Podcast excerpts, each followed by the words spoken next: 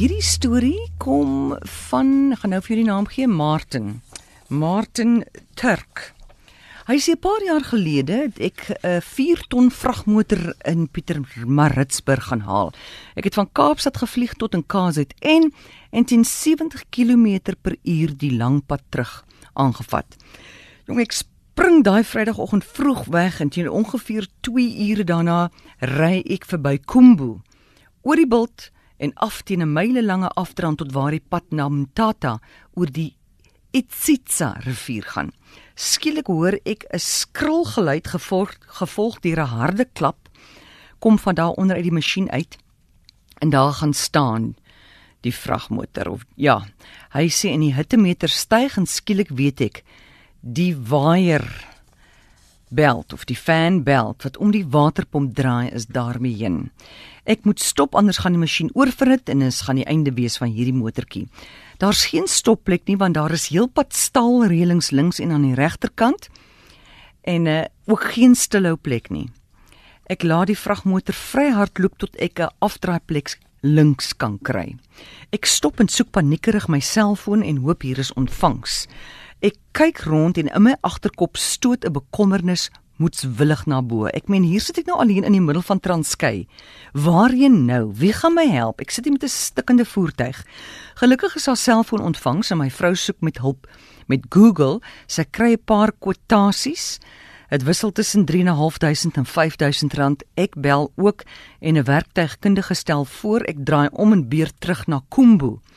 Nou, dis so 10 km agter my en dat ek nou moet stadig entjies entjies ry en dan moet ek stop sodat die masjien kan afkoel en iemand op Kumbu sal darm my kan help met 'n ou waaierband. My derde stilhou plek bult op is by 'n gemeenskap met die naam van Mpumelwano, by 'n taxi stilhou plek waar die teeroppervlak effens weier gemaak is.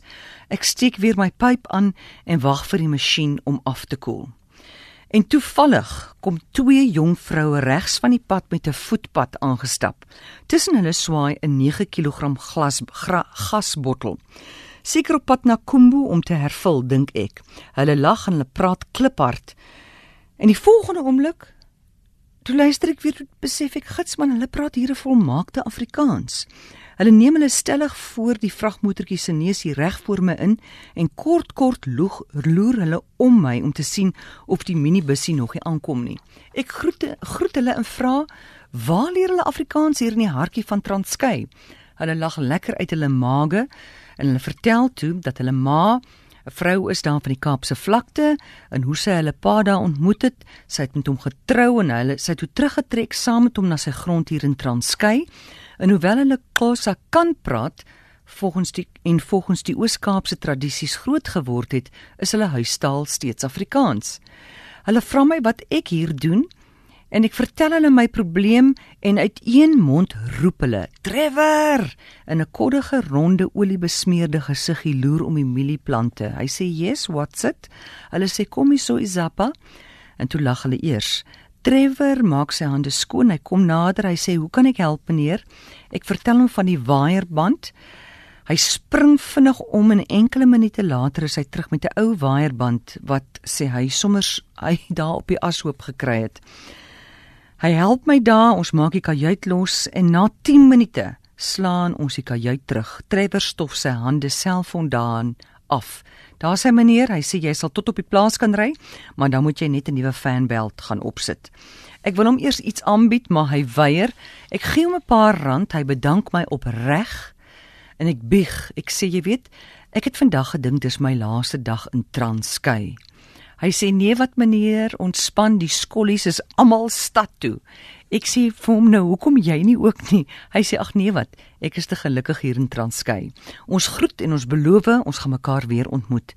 Ek vertrek weer bult af en skielik oorval 'n hartseer my, nie soos 'n hart seer nie, maar soos in die ontdekking van iets ongeloofliks, 'n soort openbaring, 'n soort kultuurbekering, want hoe verkeerd was ek nie? Dankbaar vir 'n herstelde vragmotor in 'n herstelde land, maar oneindig dankbaar vir die les wat ek geleer het. Ons kan, kan tog in 'n ongelooflike vrede saamleef vir solank ons by die basiese behoeftes van elke mens hou: vrede, liefde, hulp, aanvaarding, barmhartigheid. Hy sê ek en vandag was ek onverwags aan die ontvangkant uit 'n onverwagse oord. So toevallig het my waaierband gebreek en gelukkig toevallig op my pad.